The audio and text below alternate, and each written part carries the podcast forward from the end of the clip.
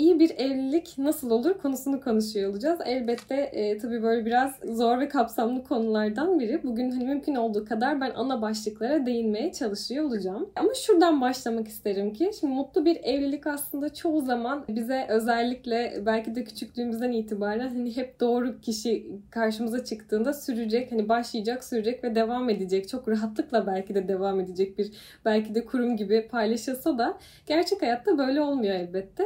E, mutlu bir evlilik bir şans değil aslında. Çok ciddi bir e, çaba, emek, e, sabır ve özveri işi aslında. E, içinde çünkü uzlaşmayı, birbirini anlamayı, anlaşılmayı barındıran. E, dolayısıyla aslında böyle gerçekten ilmek ilmek işleyip onu böyle güzel bir hale getirmeniz gereken de çok çaba isteyen önemli bir tarafı var bunun. E, şimdi tabii ki e, anlaşma, uzlaşma dediğimiz noktada iş hemen şuraya geliyor. Kişinin kendini tanıyor olması. Dolayısıyla ben biraz evlilikten bahsetmeden önce konuyu şuradan da almak isterim. Şimdi kişilerin özellikle ev, evlenmeden önce, bir ilişkiye başlamadan önce kendini tanıyor olması tarafı çok kıymetli. Şimdi elbette ki bizim ilişkilerde ortaya çıkan bazı taraflarımız var. Yani her zaman tabii ki ilişkiye girdiğimiz zaman e, bir partnerimiz olduğu zaman işte nerelerde daha çok zorlanıyorum. E, ben aslında o ilişkinin içerisinde nasıl biriyim kısmı elbette ki bir ilişkiyle ortaya çıkan bir durum. Ancak henüz evlenmeden önce de bazı hayatsal olarak e, ne beklediğiniz, e, bazı planlamalar yaptığınız zaman aslında e, kendinize dair o evlilikten ya da ne beklediğinize dair bir takım aslında kafanızda şekillenmiş durumların oluyor olması evlilik için çok büyük bir katkı sağlıyor. Ne kadar kendinizle mutlu olduğunuz, nasıl bir iletişim kurduğunuzu tanıyor olmak gibi kısımlarda aslında çok çok önemli. Çünkü bir noktada şöyle düşünmek lazım. Siz bir şey koyuyorsunuz ortaya. E, eşiniz bir şey koyuyor ve yeniden bambaşka bir şey yaratıyor oluyorsunuz. Dolayısıyla ben ne koyabilirim, neyi koyamam, nerede eksik ve hatalı taraflarım var kısmını aslında birazcık biliyor ve bu, bu gözle de bakıyor olmamız gerekiyor aslında. E, mutlu bir evlilikten bahsederken mutlu bir bireyden bahsediyor olmak, ne beklediğini, ne istediğini e, bilen bir e, bireyden bahsediyor olmak aslında çok da önemli dolayısıyla.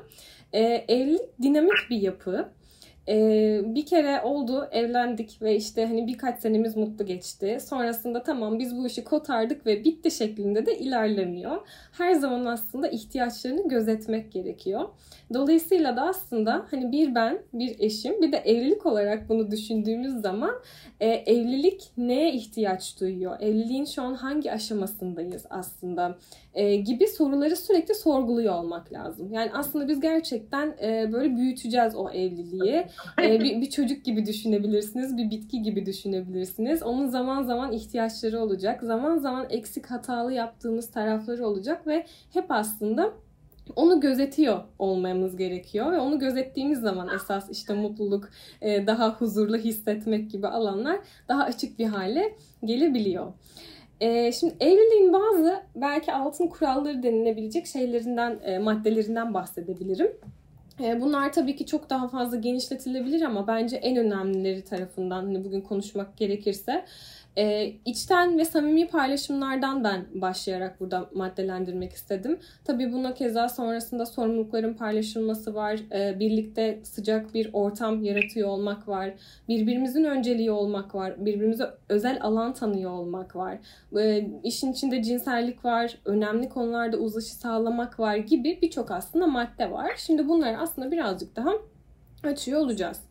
Şimdi mutlu bir evliliğin e, olmazsa olmazlarından biri içten bir paylaşım. Ne demek içten bir paylaşım? Aslında bu iletişimi barındırıyor içerisinde.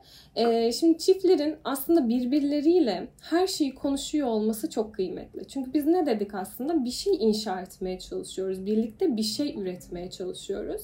Dolayısıyla e, bu insa, inşa ettiğimiz süreçte zaman içerisinde güven oluşacak. Zaman içerisinde sevgimiz daha da aslında katmerleniyor olacak. Ve bunun için de birbirimizi gerçekten tanımaya, gerçekten şeffaf olmaya ihtiyacımız var.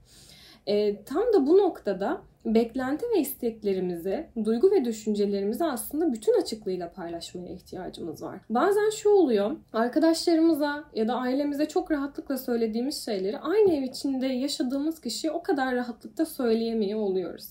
Halbuki e, benim kırıldığım, incindiğim bir şey varsa, benim üzüldüğüm, rahatsız olduğum bir şey varsa hemen onu paylaşıp düzeltmeye çalışmak aslında işin o kadar güzel bir noktaya gelmesini sağlıyor ki zaman zaman. Biz çoğu zaman e, paylaşmadan, anlatmadan karşı taraf bizi düşünsün bek- e, diye bekliyoruz. Karşı taraf bizim için bir şeyler yapsın diye bekliyoruz. Ama en önemli kurallarından biri evlilikte açık ve net bir şekilde beklenti ve isteklerimi paylaşıyor olmak. Ee, olumsuz taraflarımı bu anlamda saklamıyor olmak. Yani bunu söylediğimde nasıl bir tepki alırım?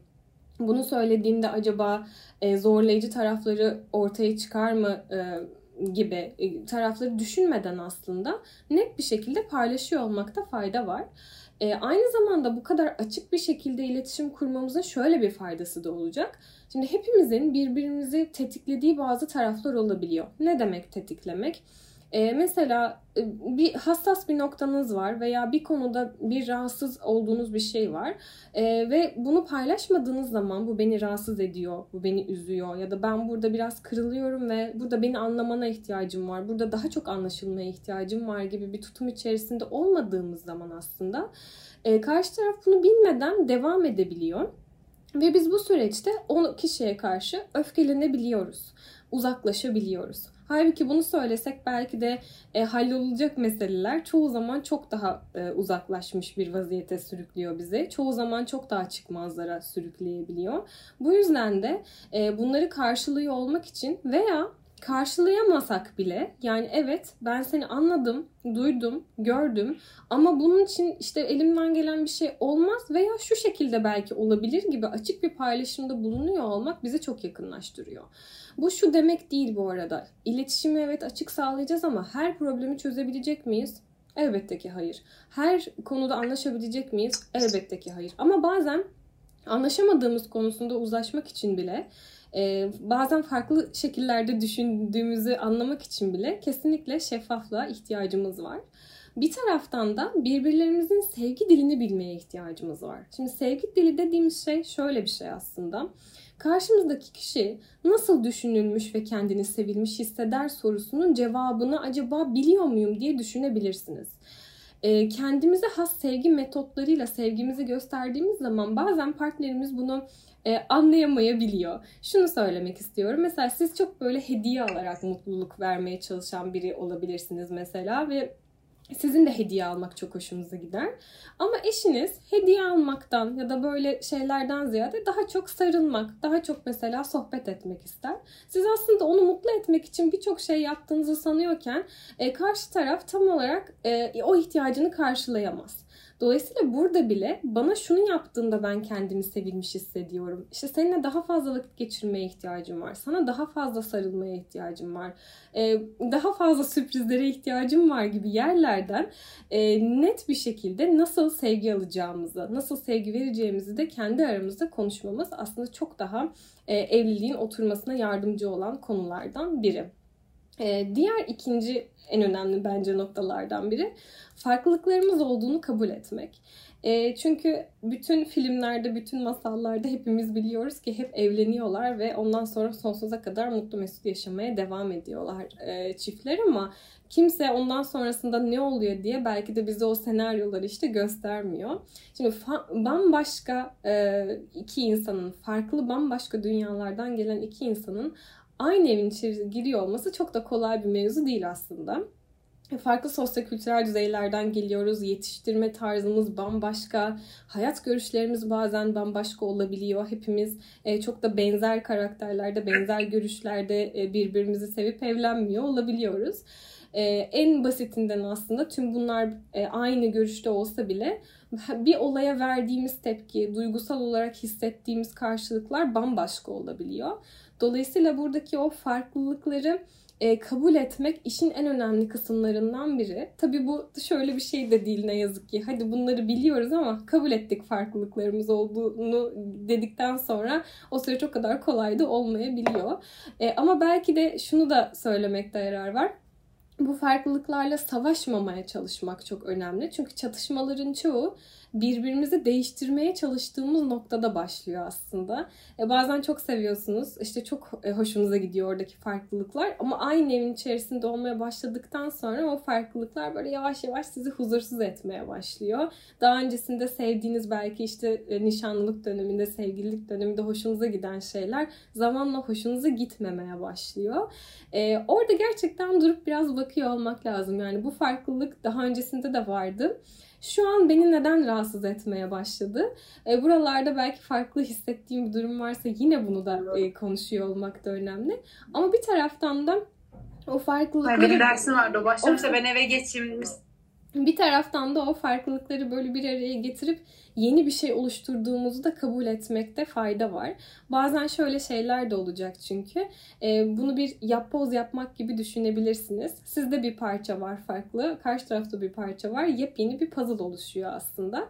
Bazen bazı parçalara ihtiyacınız olmayacak ve kendinizde bırakmayı talep ettiğiniz, bıraktığınız zaman elinize daha çok katkı sağlayacağını düşündüğünüz davranışlar, tepkiler olacak belki de ya da bazı hayat görüşleri olacak belki de. O yüzden o ekleme çıkartmaktan da çok korkmuyor olmak lazım aslında. Biz yeniden birlikte bir şey inşa ediyoruz tarafını benimsedikten sonra aslında bir takım gibi hissettikten sonra belki de bu farklılıklar o kadar da can sıkıcı olmaktan e, çıkıyor olabilir. E, nasıl bir gözle baktığımız aslında çok önemli. Çünkü en ideal kişi olduğunu düşündüğünüz kişide bile bir takım uyum problemleri yaşayacaksınız zaten her şey taban tabana çok e, olumlu ve çok e, paralel gitmeyecek. Burada da belki eşlerin birbirine karşı niyetlerinden emin oluyor olması lazım. E, bu farklılık var ya da bundan rahatsız oluyor ama bizim ekip olarak burada şu an takım olarak bu yolculukta niyetimiz ne?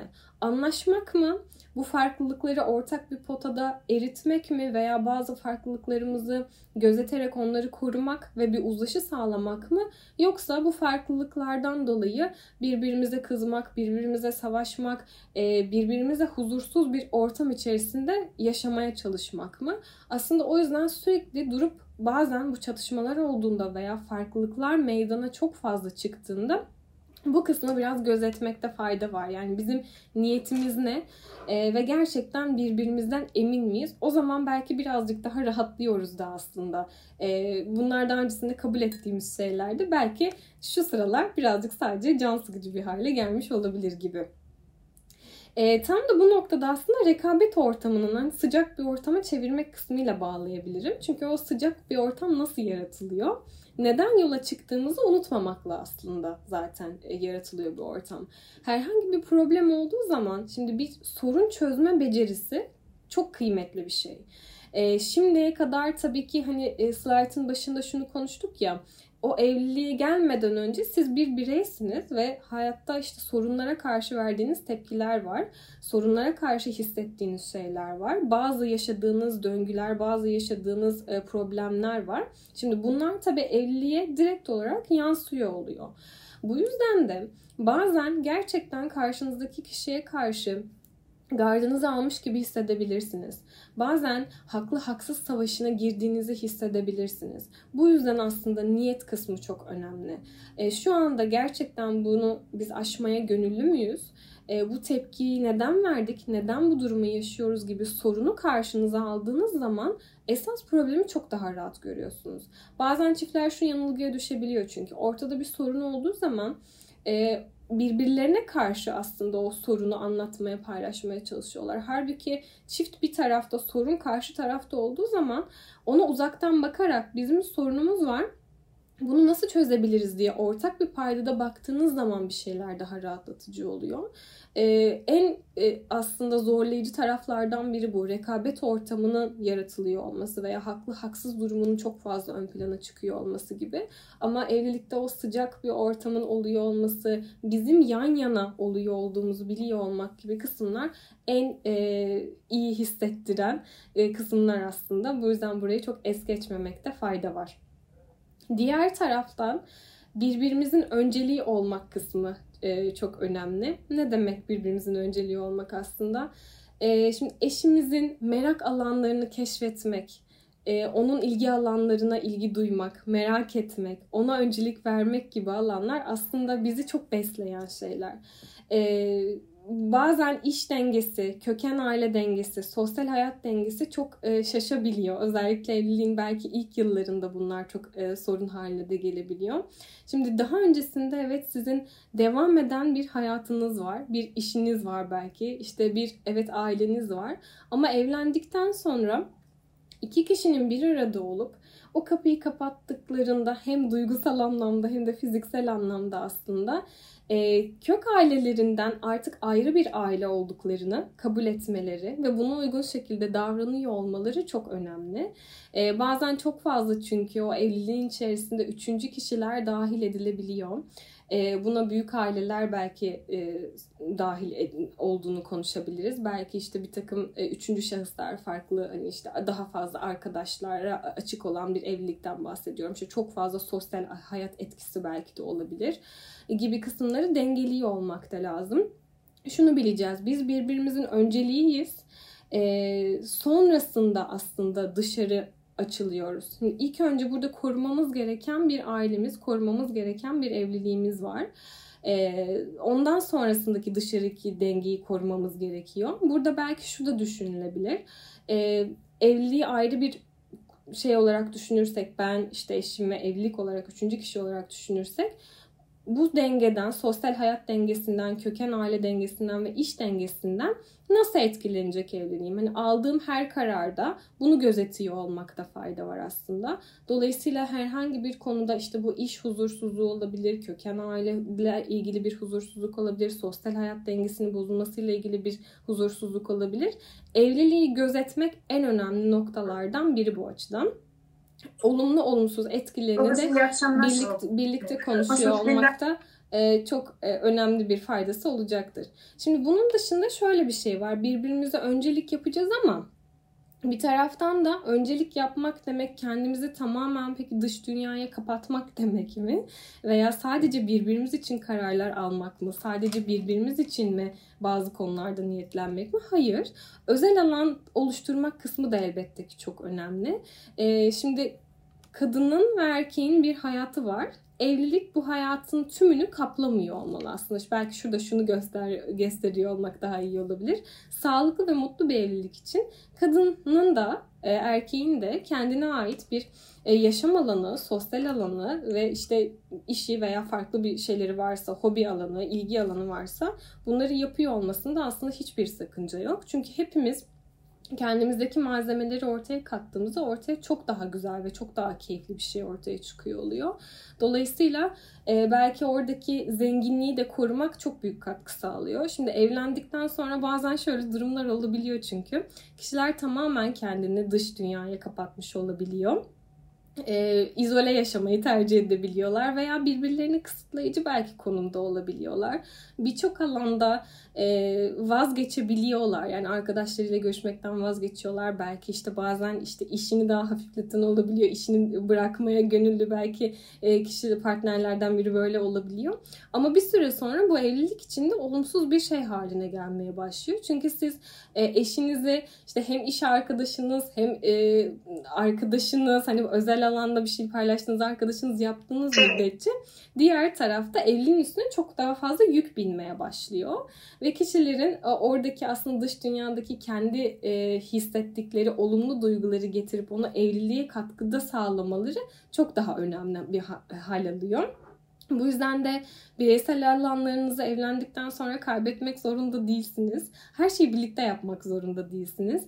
Merkezin eş olduğu bir e, durumda sadece her şeyi eşinize göre yaptığınızda, her şeyiniz eşinizle ilgili olduğunda bir süre sonra kendinizle ilgili aslında e, çok daha tükenmiş bir noktada belki hissediyor olabilirsiniz. O dünyadan biraz e, zaman zaman çıkıyor olmakta fayda var. Her şeyin dengede oluyor olmasında aslında fayda var. Bir süre sonra çünkü bu sizin için de yıpratıcı bir hale gerçekten dönüşebiliyor. Ee, şimdi önemli konularda uzlaşı sağlamak kısmı var bunlar dışında. Bunlar çok hayati kısımlar aslında. Ebeveynlikler, ekonomik konular, hayatı etkileyecek kararlar, bunlar işle ilgili kararlar olabiliyor, taşınmakla ilgili kararlar olabiliyor. Biraz bunlara da göz atalım.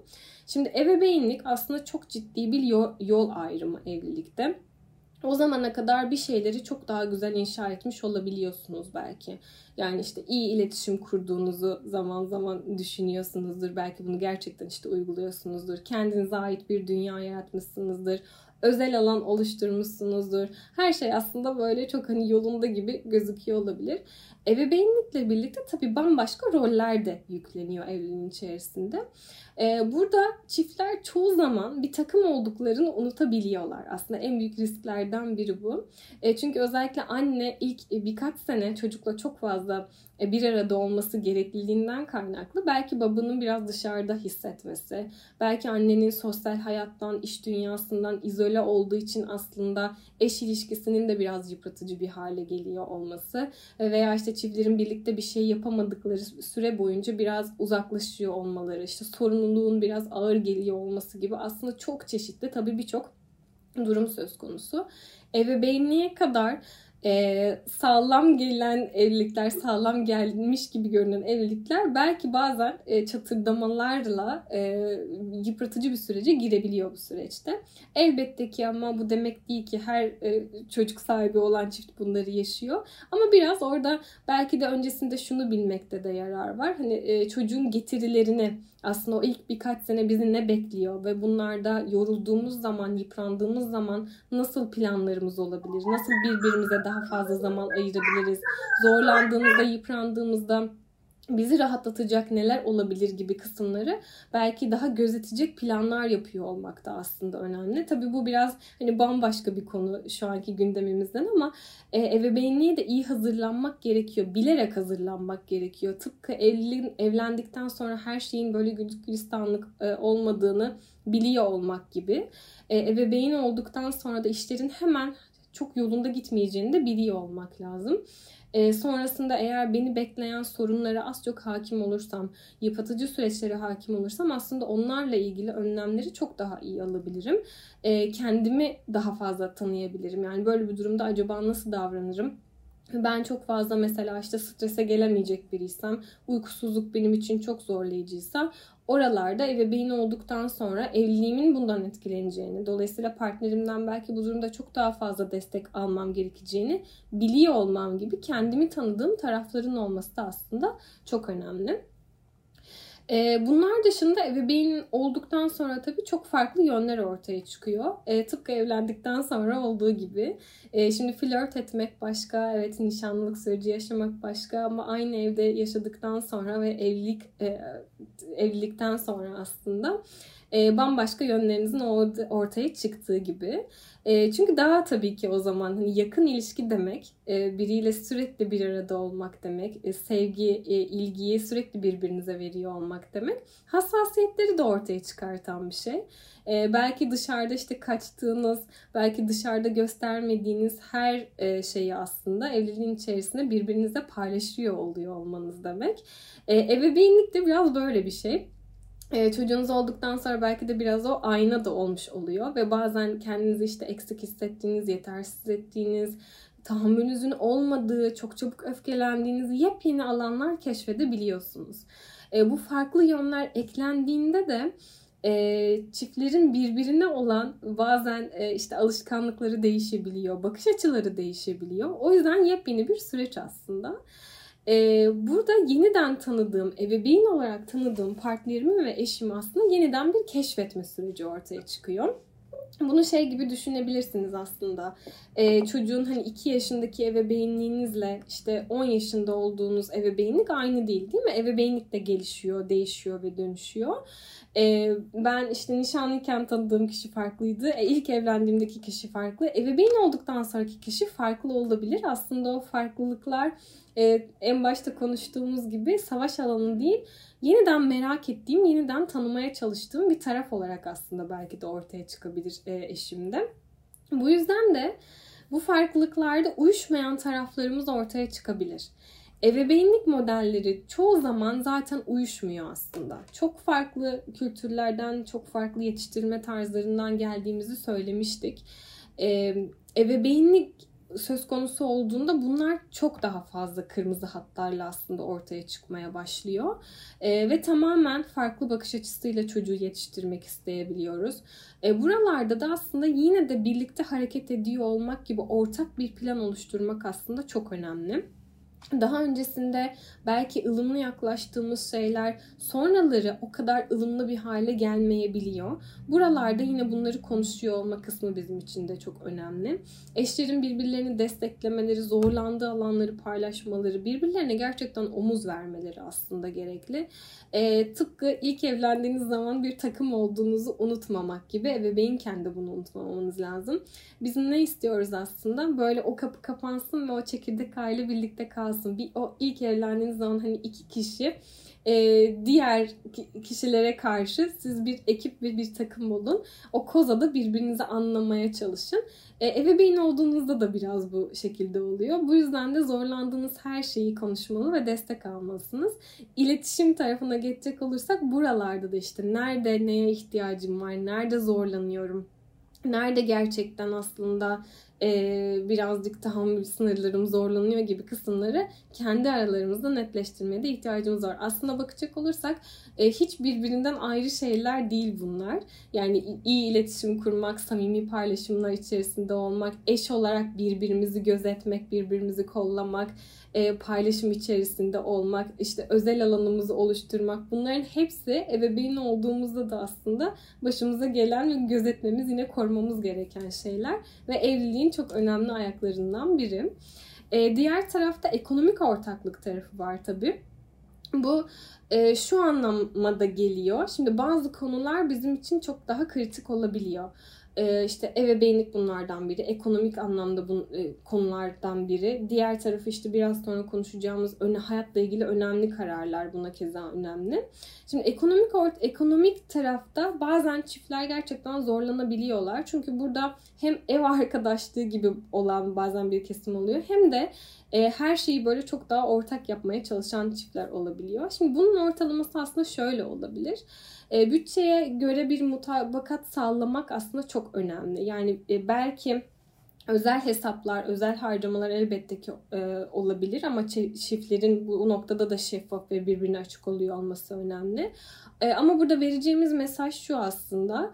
E, sen benim için önemlisin. Bu ikimizin bütçesi ve birlikteliği. Dolayısıyla neye ne harcayacağız, harcayacağız veya birlikte neye ne yapıyoruz bunu bilmeye ikimizin de hakkı var. Yani burada da aslında şeffaflık ve açıklık oluyor olması önemli. Genellikle bu konulardan da çünkü sorun yaşadığımız olabiliyor. E, buralarda aslında açık olmak demek bir güven ilişkisine katkı sağlayan yine e, önemli noktalardan biri.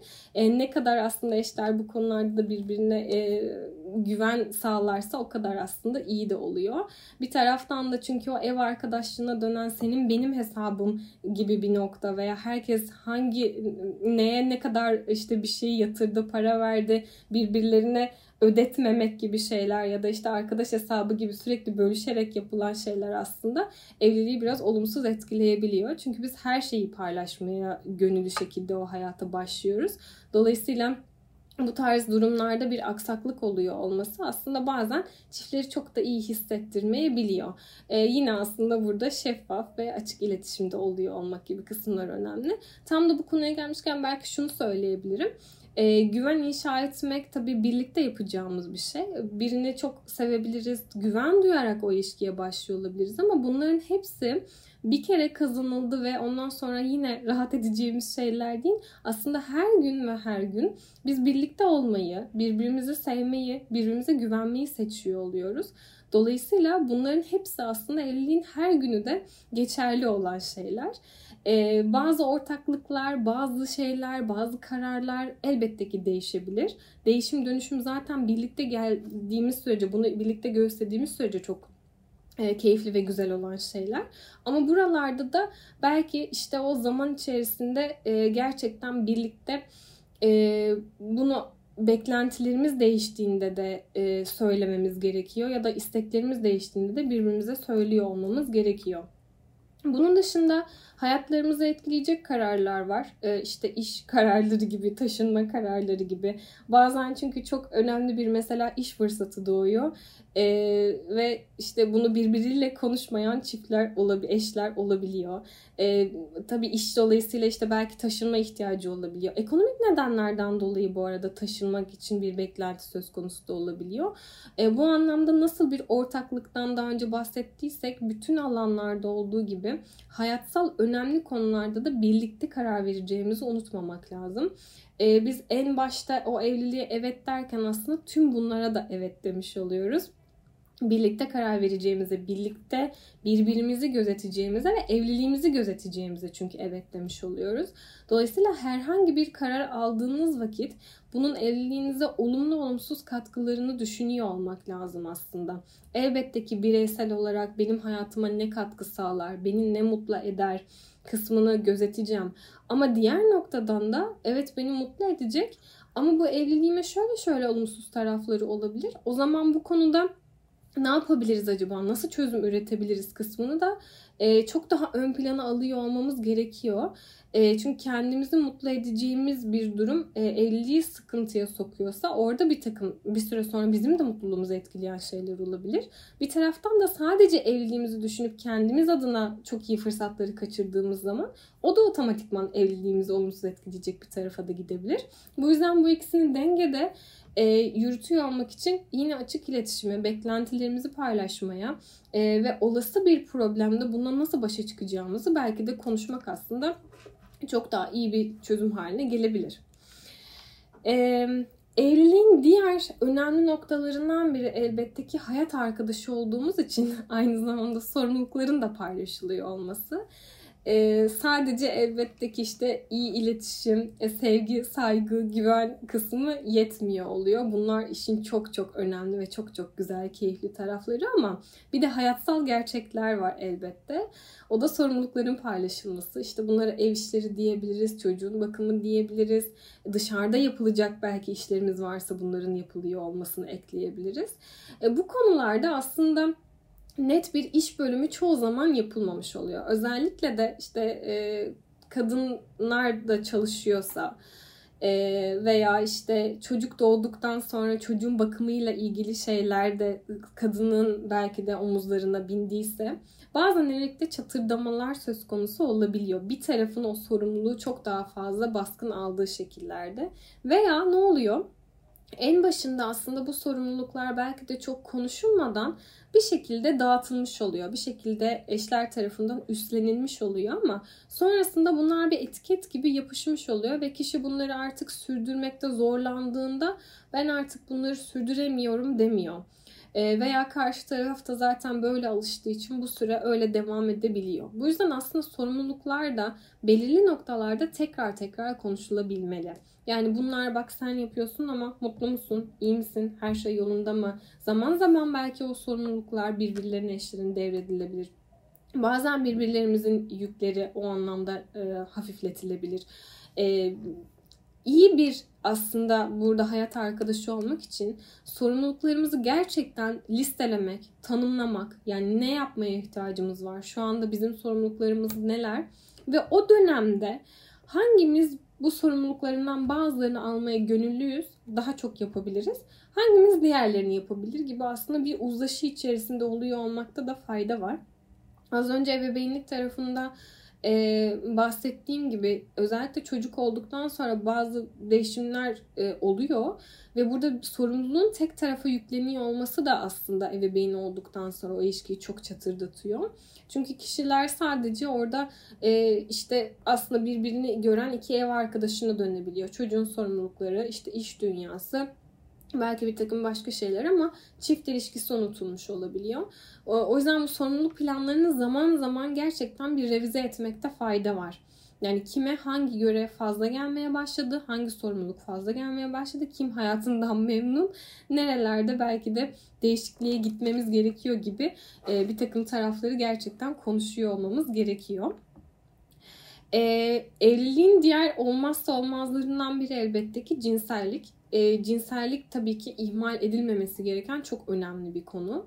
E, bu iki tarafın da aslında keyif aldığı önemli bir süreç e, olması gerekiyor. Bu anlamda da beklenti ve istekler tabii çok açık açık konuşulmayabiliyor zaman zaman. Eşler belki birbirlerini tanımak konusunda bazı çekinceleri olabiliyor. E, ancak e, bu süreç evliliğin gerçekten zaman zaman e, tutkalı gibi de düşünülebilir aslında. Çünkü ne kadar e, düşünün ki yakınlık, sevgi, ilgi bunların hepsini barındıran bir e, süreç cinsellik. Dolayısıyla aslında kendinizi tamamen işte şeffaf hissettiğiniz, iyi iletişim kurduğunuz, güvende hissettiğiniz, sevdiğiniz, sevildiğiniz bir ilişkinin içerisinde cinsellik evliliği sürdüren, e, mutluluğa daha fazla aslında orada mutluluk katan bir işlevde taşıyabiliyor. Bu yüzden de bazen e, cinsellikte olan bozulmalar e, ihmal edildiğinde zaman içerisinde aslında çift ilişkisine yansıyan problemler haline de gelebiliyorlar. Elbette ki bazen zaten çiftler arasında bir problem olduğunda otomatikman bu cinselliğe yansıyan tarafı da olabiliyor ama bunu bir döngü olarak da düşünmek lazım aslında. İlişki bozulduğunda cinselliğe, cinsellik bozulduğunda ilişkiye yansıyan tarafları var. E, bu yüzden bu kısmı da aslında gözetiyor olmak lazım. Yani cinselliğin sıklığının, şeklinin iki taraf için de ideal oluyor olduğunu e, bilmek. Bir problem varsa eğer e, cinsellik yaşamakla ilgili bu bazen e, kadın sağlığıyla ilgili olabilir, bazen erkek sağlığıyla ilgili de olabilir. E, bu tarz durumlarda mutlaka belki destek alıyor olma kısmı çok önemli. İhmal edeceğiniz bir alan olmadığı takdirde aslında bu da zaten e, konuşulmayla yine işte ihtiyaçlar gözeterek e, çok da düzenlenebilir bir alan. E, sevgiyle anlamlı çünkü aslında cinsellik. Dolayısıyla sevginin çok önemli bir parçası olduğunu da unutmamak gerekiyor. E, bir göreve dönüştüğünde veya işte göz ardı edildiğinde sonrasında daha büyük çatlaklar e, rastlı daha büyük çatlaklara rastlayabiliyoruz. E, o yüzden de bunu e, gerçekten hani, düşünüyor ve hani gerekli noktalarda da destek oluyor olmaktan çekinmemek çok önemli. Ee, şimdi aslında şöyle yavaş yavaş toparlıyor da olacak olursak bir noktada e, belki işte evet iletişim kısmının çok önemli olduğundan bahsettik. E, içten paylaşımlardan bahsettik. Hayatsal sorumluluklardan bahsettik ama belki şunu da söylemekte yarar var. Beklentilerimizi abartmamak da önemli. Neyi kastediyorum? Aslında bazen bir sorun olduğunda o sorunu en kısa yoldan tespit ettikten sonra iki soru iki taraf da bu sorunu tanımladıktan sonra kendi paylarına düşen nedir? Yani bu sorunu ben ne kadar yaratıyor olabilirim? Bu soruna katkım ne kadar? Ve bu sorun için ben ne yapabilirim sorularını sorduğunuz zaman aslında çok da rahatlıkla ilerleyebiliyor. Şimdi çoğu zaman sorunlar gerçekten konuşulmamaktan, ertelenmekten, e, belki de kaçmaktan aslında büyüyor oluyor. Halbuki e, en başında bunların sorunun tespitini yaptığınız zaman ve iki tarafta birbirini anlamaya en azından anlamaya çalıştığı zaman e, zaten yeterli olabiliyor e, bir noktada. En başında söylediğim gibi anlaşmak her zaman önemli değil. Her zaman anlaşmak mümkün de değil. Ama anlaşamadığımız konusunda uzlaşmak için de bizim konuşuyor olmaya ihtiyacımız var. Ve e, aynı evin içerisinde olduğunuz, cinsellik yaşadığınız, gözlerinin içine baktığınız biriyle de sorununuzu paylaşmamak kadar kendinize yapacak yapacağınız başka bir kötülük olamaz sanıyorum. E, çünkü bu kadar yakın olmuşken e, her şeyiyle aslında şeffaf olduğunuz zaman o yakınlığı korumuş olursunuz. Ama bir şeyi paylaşmadığınız zaman gerçekten belki de şunu da düşünmekte e, yarar var. Bu evliliğime ne kadar katkı sağlıyor? Şu an bu sorunu ertelemek, şu an bu sorunu görmezden gelmek, şu an bizim ekip olduğumuzu unutup birbirimizle savaşmamız, birbirimize haklı haksız rekabetine giriyor olmamız, e, birbirimizi anlamamamız şu an benim evliliğime ne kadar katkı sağlıyor? Bir 5 sene sonra, bir sene sonra biz ne hale geleceğiz kısmını belki de düşündüğünüz vakit sorunları çözmek çok daha en azından motivasyon kaynağı haline gelebilir. Ee, bir de birkaç şey üzerinde durmak istiyorum. Bunlar belki çok yapılan iletişim hataları aslında. Hep iletişim, iletişim ve açık e, olmaktan bahsediyoruz ama en çok yapılan belki yanlışlardan bahsedersek bu kısım birazcık daha açık olabilir. Ee, şimdi birinin eşinizi daha doğrusu hani eleştiriyor olmak yerine sürekli yani diyelim ki bir sorun tespiti yaptınız e, orada topla tüfekle böyle bir sorun var sen de şunu yaptın bak şöylesin demek yerine yani direkt olarak bir eleştiri yerine yumuşak bir başlangıç yaptığınızdan emin olun. Çünkü bir sorunu konuşmak var, konuşmak var. Gerçekten çözmek için mi konuşmak istiyorsunuz? Anlaşılmak için mi çözmek istiyorsunuz? Yoksa sadece karşınızdakini suçlamak için mi? Sadece öfkenizi kusmak için mi? Sadece daha çok e, kaos haline getirmek için mi konuşuyor oluyorsunuz? Önce niyetinizi gerçekten saptamaya çalışın. Eleştirmek hiçbir vaziyette e, bir çözüm değil. Bu yüzden İlk önce ben dilini kullanarak ne hissettiğinizi söylemek. Ee, bir şey paylaşmak istiyorum seninle. Ben bu sıralar kendimi iyi hissetmiyorum. Şundan şundan dolayı iyi hissetmiyorum. Bana işte şu, şöyle gelmeye başladı. Artık senin şu davranışların böyle hissettirmeye başladı. Bununla ilgili sen ne düşünüyorsun? Farkında mısın? Demek başka sen zaten bana hep böyle hissettiriyorsun. Oldum olası da böyleydi diye her şeyi gündeme getirip orada bir e, eleştiri yağmurunu tutmak bambaşka. Bu yüzden de niyetinizi iyi belirleyip eleştiri kısmından ziyade yumuşak bir başlangıç yapıp sorunu tespit edip sorununa katkınızı söyleyip ne beklediğinizi veya bunu nasıl çözebileceğinize dair birlikte yine ortak bir e, amaç uğrunda olduğunuzu belli etmenizde de fayda var. Diğer taraf savunmacılık kısmı oluyor. Bunu çift terapilerinde de tabii çok sıklıkla yaşayabiliyoruz ama e, bir şey olduğu zaman direkt kişinin kendini savunarak aslında topu biraz karşı tarafa atıyor olması yine iletişim hatalarından biri haline geliyor. Ben sana hiç de hiç böyle yapmadım benim burada bir katkım yok demek yerine şimdi iyi giden bir şey varsa da olumsuz giden bir şey varsa da bu tek taraflı bir şey olması imkansız. Yani iki tarafın da katkısı mutlaka ki var. Dolayısıyla sorumluluğunuzu kabul ederek başlamanız her zaman çok daha faydalı. Ben şöyle bir şey yaptım ve sana böyle hissettirmiş, sana olumsuz bir şey hissettirmiş olabilirim. Ve ben son zamanlarda işte birazcık daha kendimi öfkeli, birazcık daha agresif hissediyorum. Seni son zamanlarda çok eleştirmiş olabilirim dedikten sonra oradaki katkınızı aslında söyledikten sonra belki karşı tarafla ilgili olumsuz bir şey söyleyecekseniz söylüyor olmak daha faydalı olabilir aslında. Bu demek değil ki bu arada her şeyi alttan almak e, ya da her şeyi kabul etmek. E, mutlaka ki orada dediğim gibi olumlu olumsuz da olsa bir katkınız e, olmaması imkansız. Bu bir karşılıklı bir iletişim çünkü. O yüzden oradaki kısmı ilk önce bir kendimi gözetmekte fayda var. Yani ben e, neredeyim, ne hissediyorum, şu ana kadar neler yaşadım bu ilişkin içerisinde ve bu soruna nasıl katkı sağladım gibi. Diğer tarafta yine en önemli hatalardan biri aşağılama kısmı oluyor. E, değersiz hissettirme aslında karşı tarafı çok temelde. E, nasıl hissettiriyorum kısmına da bakıyor olmak yine çok önemli. Yani bir şey söylemeden önce belki bir sorunu konuşmadan önce ya da genel olarak da iletişim dilinizin ne olduğunu saptamak çok önemli. Karşı tarafı yetersiz hissediyorsam, hissettiriyorsam, karşı tarafı değersiz hissettiriyorsam, çok fazla öfkeli, sistemkar bir şey söylüyorsam, çok daha yukarıdan bir şeyler söylemeye çalışıyorsam elbette ki karşı taraf kendini kapatacaktır.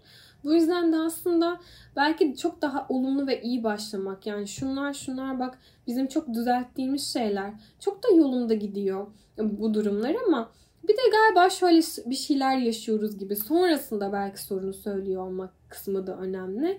E, çünkü ne kadar aslında orada aşağıladığım bir durum varsa, yetersiz hissettirdiğim bir durum varsa, öfkelendirdiğim bir durum varsa bunun kendimle de ilgili oluyor olması çok potansiyel olarak yüksek. Ee, en başında da söylemiştim ya aslında o evliliğe kadar getirdiğimiz bir şeyler var bizim kendimize dair ve evlenmeden önce aslında kendimize dair bir şeyler biliyor olmamız çok önemli. Çok katkı sağlıyor çünkü evliliğe. Ben nerede öfkeleniyorum, nerede yetersiz, nerede değersiz hissediyorum. Ben bunu bileceğim ki, kendimde bunu anlayacağım ki çünkü karşı tarafa da şunu söyleyebileyim. Yani sen bunu yaptığında ben böyle hissediyorum. Şöyle yapsam, bunu böyle söylesen çok daha iyi olur diyebileyim. Çünkü kendi duygularımın rehberi bir tek ben olabilirim karşı taraftan bunu direkt olarak anlamasını, yorumlamasını ve ona uygun davranmasını bekleyemem elbette. E, bu yüzden de bir duygu varsa ortada özellikle karşı tarafa karşı çok yoğun bir e, olumsuz duygu hissediyorsanız lütfen onun kendinizdeki karşılığına bir bakın. Ee, belki zaten evlenmeden önce de bu hassas noktanızda ve tetiklendiğiniz taraflar oluyordu hayatınızın farklı alanlarında. Birlikte bunu çözmek için kendinizin ilk önce bu anlamda bir referansınızın oluyor olması çok önemli. Ee, diğer konulardan biri duvar örme. Yani evlilik içerisinde işte küslük, aslında bakacak olursanız işte iletişimi kesme, birbirinizi cinsellikle cezalandırma, e, belki işte pasif agresif tavırlar dediğimiz e, işte ayrı uyumalar, birlikte yemek yememeler gibi birbirinizi cezalandırıcı şeyler belki olabilir. Şimdi bunların yine belki şu noktadan yaklaşmak lazım. Evliliğin nasıl bir katkısı olacak? Yani sorun çözmekte bunun bana ne faydası var tarafını biliyor olmak önemli. Çünkü bazen o fırtına geçiyor ama geçtikten sonra ne kalıyor kısmı yani ortalığı ne kadar darma duman etti kısmı çok daha önemli bir hale bürünmeye başlıyor. O anda geçici çözümlerle barışıyor olabilirsiniz. Diyelim ki sürekli istikrarlı bir şekilde eşiniz size küsüyor ve sürekli siz bir şekilde gönlünü alıyor oluyorsunuz. 3 sene sonra artık bir noktada e, tak etmiş olabilir size. Siz sadece söylemediğiniz için o kısımlarda e, küsmesinden hoşlanmadığını söylemediğiniz için mesela çok büyük bir iletişim hatası olup o öyle devam edip bir noktada patlayıp gerçekten her şeyi alt üst ettiğiniz bir hale de bürünebilir. Bu yüzden duvar örmek yerine e, pasif agresif bir tavırda olup e, karşı tarafı cezalandırmak yerine aldım ben de bugün senin yanında uyumayacağım ya da git yanımda uyuma demek yerine orada belki şu olabilir yani e, birbirimize ne iyi gelecek? Evet bugün iyi hissetmiyorum ve çok öfkeliyim. Evet konuşmak istemiyorum. Birlikte uyumak istemiyorum. Bunun nasıl bir çözümü olabilir aramızda? Belki birkaç gün bu konuyu durdurup sonrasında evet konuşabiliriz. E, ve bu süreçte birbirimizin neye ihtiyacı var bunu gözetebiliriz gibi bir yerden de belki yaklaşıyor olabilirsiniz. Ama karşı tarafı sürekli cezalandırıyor konumunda oluyor olmanız bir süre sonra evlilik için çok büyük kayıplar doğuruyor oluyor. Ee, şimdi sağlıklı ve mutlu bir evlilik şöyle bir toparlayacak olursam elbette ki sevgi, saygı ve güven temellerine dayanıyor ama bunun içinde şefkat de var, bakılma ihtiyacım da var. Bazen bakım almaya da ihtiyacım var. Bazen e, gerçekten o şefkatle sarılmaya, sarmalanmaya da ihtiyacım var. Beğenilmeye, onaylanmaya ihtiyacım var hayranlık duyulmaya ihtiyacım var. Arzulanmaya ihtiyacım var. Şimdi bu duygular eksik olduğunda aslında bazen çatırdanmalar olabiliyor. O yüzden aslında buraları nasıl sağlayabiliyorum? Yani ben bazen işte beğenildiğini eşime nasıl hissettirebilirim? Onu onayladığımı, takdir ettiğimi, ona hayran olduğumu nasıl gösterebilirim tarafını da tekrar tekrar e, konuşmak ve gözden geçiriyor olmak da önemli. E, mutlu bir evlilikte çünkü Kişi kendini iyi hisseder, kapsanmış hisseder, beğenilmiş hisseder, daha özgüvenli hisseder aslında. Ama o evliliğin içerisinde kendinizi yıpranmış, e, sürekli yetersiz, sürekli değersiz, sürekli bir sorun içerisinde buluyorsanız bir takım sorunlar var demektir ve e, bunlar kimi zaman çiftlerin gerçekten gönüllü olduğu noktalarda çok da çözülebilen sorunlar, sorunlar olabiliyor aslında bir destek aldıklarında, konuştuklarında, bazı paylaşımları telafi etmeye çalıştıklarında gerçekten çok da keyifli ve güzel bir hale de gelebiliyor. Bu yüzden de kolay yol suçlamak, yargılamak, cezalandırmak, kaçmak, küsmek, zor yol payıma ne düşen diye bir bakabilmek. Ama zor yolu seçtiğiniz zaman da hayat boyu gerçekten çok güzel bir hediye e, almış olabilirsiniz aslında. Yani sevdiğiniz, güven duyduğunuz bir e, ilişki içerisinde olmak kadar aslında besleyici bir şey yok bu dünyada. Dolayısıyla e, kendime bakabilmek zaten payıma düşen ne diye sormak başlı başına çok zor bir mevzu. Yani evlilikle de bir alakası yok aslında. İnsanın benim işte bugün yaşadığım iş arkadaşımla ilgili bir olayda, çocuğumla ilgili bir olayda payıma düşen ne diye bakıyor olması gerçekten çok zor. Ama bunu bir kere düşünmeye başladığınız zaman sonrasında da bunun arkasına evliliğim için hangisi daha iyi? Evliliğimi gözetmek için, onu korumak için, e, onu yetiştirmek, büyütmek, güzelleştirmek için attığım bu adım doğru mu? Söylediğim bu söz doğru mu? E, ikimizin mutluluğu için, birlik olmamız için düşündüğüm şey, paylaştığım şey nasıl hissettirir karşı tarafa diye gözettiğimiz zaman aslında çok da büyük meseleler haline gelmiyor. E, mesele sorunu saptamamak da oluyor zaten çoğu zaman. E, bu yüzden de aslında çocuğu büyütmek gibi emek istiyor. E, fırtına belki kapatırken son olarak şunu söyleyebilirim. Bu örneği çünkü çok seviyorum.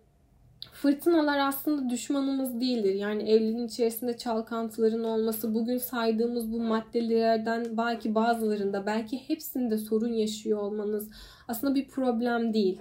Nasıl ki fırtına çıkıyor ve diniyor ama biz o fırtınada e, şunu söylemiyoruz. Yani işte bugün fırtına var ama her şeyi durduracağım. Yağmur yağıyor ama işte dışarıda çıkmayacağım, işe de gitmeyeceğim, e, televizyonda izlemeyeceğim, keyif aldığım bir şey de yapmayacağım demiyorsak, hayat devam ediyorsa ve o fırtına bir süre sonra geçiyorsa e, bu da biraz öyle bir şey. Eğer payıma düşene bakarsam, payıma düşeni üzerime almaya çalışırsam gerçekten o fırtına geçebiliyor.